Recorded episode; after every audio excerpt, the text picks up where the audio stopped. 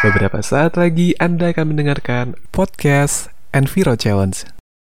Hai para penduduk bumi di mana pun kalian berada. Selamat berpuasa juga bagi teman-teman yang sedang menjalankan ibadah puasa ya. By the way, kali ini kita bakalan ngomongin suatu hal yang kita tuh kadang nggak notice aja gitu loh Seberapa penting dan berharganya dia dalam kehidupan kita Bukan, bukan, bukan, bukan kehadiran mantan ya. Kalau mantan mah ya udah lah ya, mungkin kita bisa dapat substitusinya atau mungkin yang bisa lebih baik dari dia. Jadi salah satu hal yang paling penting dan berharga di kehidupan kita itu adalah air. Ya, air. Air itu udah jadi hal yang paling urgent banget buat kita, bahkan nggak cuma manusia tapi juga makhluk hidup lainnya, tumbuh-tumbuhan dan juga hewan juga sangat bergantung banget pada air. Yang menarik adalah bumi kita, kalau dilansir dari Okezone, sebesar 71% bumi itu diselimuti oleh air. Tapi tidak semuanya juga bisa kita konsumsi ya hanya sekitar 3,5% aja air tawar yang dapat kita konsumsi atau layak kita gunakan gitu ya untuk kehidupan kita sehari-hari.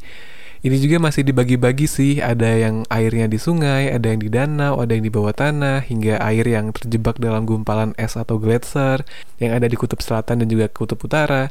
Sedangkan 96,5% lainnya itu adalah air asin. Kalau lihat perbandingannya, kerasa dikit banget kan ya kalau kita bandingin sama air asin. Tapi kalian pernah mikir gak sih kenapa air yang hanya 3,5% ini yang layak kita konsumsi tadi bisa terus ada dan gak tiba-tiba habis sampai titik nol? Ya, jawabannya karena sesimpel adanya daur air atau siklus air. Ya, tepat banget. Salah satu prosesnya adalah melalui hujan. Tapi nggak mungkin dong tiba-tiba aja terjadinya hujan gitu kan ya. Pasti ada prosesnya kan. Nah, prosesnya paling awal itu adalah karena adanya penguapan terlebih dahulu. Nah, penguapan ini tuh terjadi karena aliran air yang ada di permukaan bumi ini terpapar sinar matahari, kemudian akhirnya terjadilah penguapan ke arah atmosfer. Tapi ternyata nggak cuma air yang ada di air itu sendiri ya dalam artian air sesungguhnya. Tapi ternyata tumbuh-tumbuhan juga membantu terjadinya proses penguapan air menjadi gas ke udara ini loh. Nah, setelah ini tuh bakalan terjadi kondensasi atau singkatnya sih di sini gas-gas air tadi yang terkumpul tadi di atmosfer akan membentuk awan hingga kemudian akan ada satu titik jenuh di mana air yang terkumpul ini mengalami pendinginan atau penambahan jumlah gas air yang terkumpul cukup banyak gitu ya.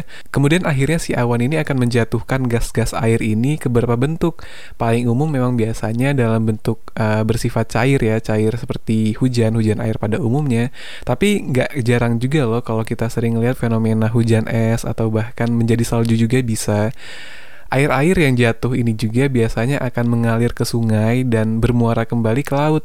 Tapi untuk air yang terjatuh di daerah pegunungan biasanya sih akan terserap atau terinfiltrasi ke dalam tanah menuju sumber mata air ataupun sungai ataupun juga danau.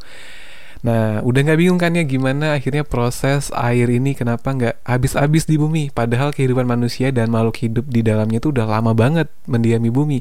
Tapi ini bukan berarti kita boleh dengan bebas ya menghambur-hamburkan air, karena proses ini tuh juga butuh waktu dan nggak jarang sangat bergantung pada cuaca juga.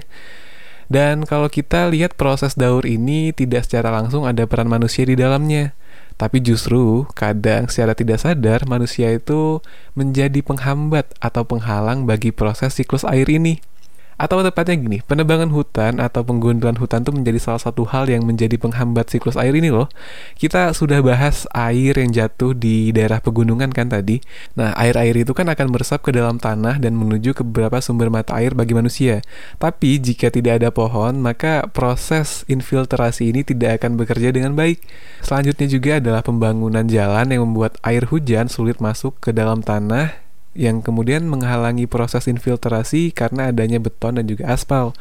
Gak jarang juga di daerah perkotaan itu sering banget kan mengalami banjir karena memang ruang terbuka hijaunya juga cukup minim. Air juga sulit masuk ke dalam tanah karena beton dan aspal tadi, yang terkadang juga diperparah dengan saluran drainase yang kurang baik. Karena jika air-air ini tidak menjalani siklusnya dengan baik, bukan tidak mungkin loh pasukan air di bumi ini akan terus mengalami penyusutan. Gimana? Ngeri nggak sih kalau sampai akhirnya kelangkaan air itu terjadi di mana-mana? Ada banyak hal sebenarnya yang bisa kita lakuin untuk tetap menjadi manusia modern, dengan beragam pembangunan tapi tetap menjaga proses siklus air ini juga atau ramah lingkungan lah intinya. Salah satu caranya adalah benar-benar membuka ruang terbuka hijau di daerah perkotaan. Ini uh, kita asumsikan dapat berjalan secara optimal karena kalau optimal maka penyerapan air juga nggak cuma air sih bahkan oksigen juga akan lebih baik juga untuk daerah perkotaan akhirnya. Kemudian juga dapat membuat saluran drainase yang mumpuni juga ya. Serta yang gak kalah penting adalah tindakan kita nih, yang biasanya suka buang sampah di sungai, ini harus bisa kita benahi juga. Karena air-air ini kan akan mengalir ke sungai nih, dan bermuara kembali ke laut. Kalau proses ini dapat kita jaga, bukan hanya proses siklus air yang dapat kita lindungi, tapi juga potensi banjir yang bisa kita minimalisir. Namun gak cuma di daerah perkotaan sih yang kita wajib benahi juga, karena tentunya daerah-daerah pegunungan juga nggak kalah pentingnya perannya.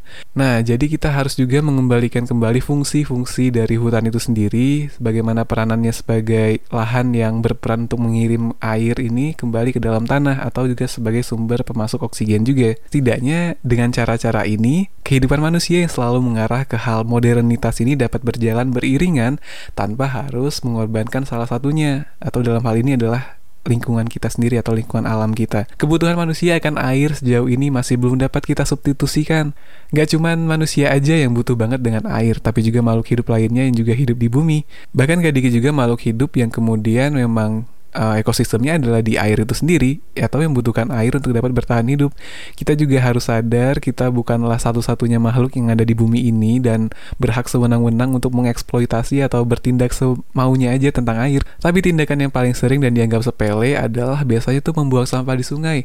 Padahal kita juga butuh keberadaan sungai sebagai salah satu sumber air bersih kita juga kan. Tapi kita masih aja beranggapan cuma dikit kok. Padahal hal-hal yang kayak gini tuh, hal-hal sepele kayak gini tuh bisa banget berdampak besar apalagi kalau dilakuinnya sering dan misal yang ngelakuin tuh nggak cuma kita tapi juga orang-orang lain juga berpikiran hal yang sama. Kalau kayak gitu kan bakalan ribet banget dan impactnya juga ke kita.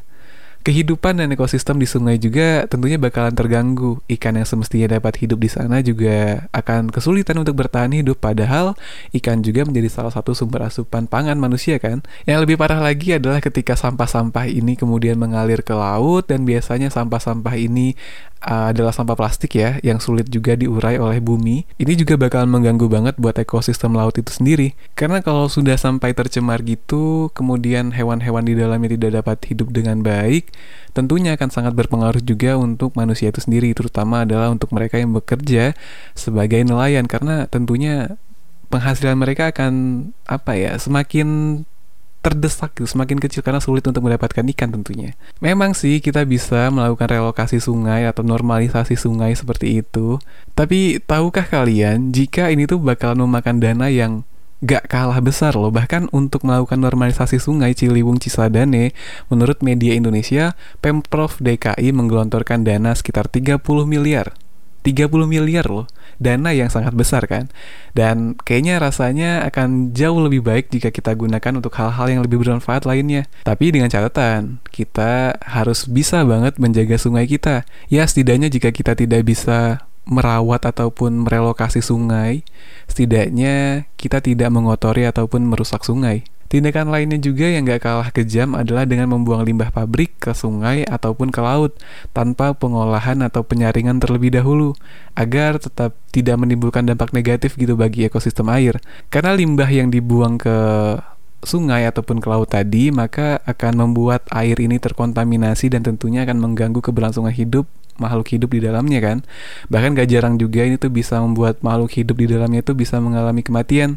Setidaknya kini kita sudah tahu betapa pentingnya menjaga air atau memanfaatkan air sebagaimana mestinya Terkait tindakan pencegahan ataupun tindakan penanggulangan tentunya saya rasa teman-teman juga sudah sangat akrab akan hal ini.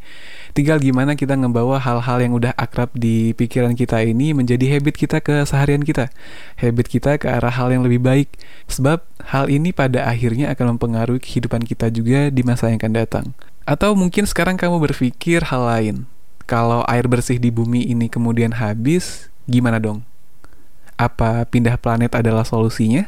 Sayangnya sejauh ini masih dilakukan penelitian ya terkait apakah di planet lain tuh ada air atau tidak karena kita sangat-sangat butuh air untuk bisa bertahan hidup. Tapi bukankah lebih baik menjaga dan merawat apa yang udah ada saat ini dibandingkan mencari hal yang bahkan belum pasti? Satu hal yang paling pasti adalah tindakan kita hari ini dan ke depan akan mempengaruhi dan berdampak besar akan kehidupan kita. Bahkan kehidupan generasi di masa depan.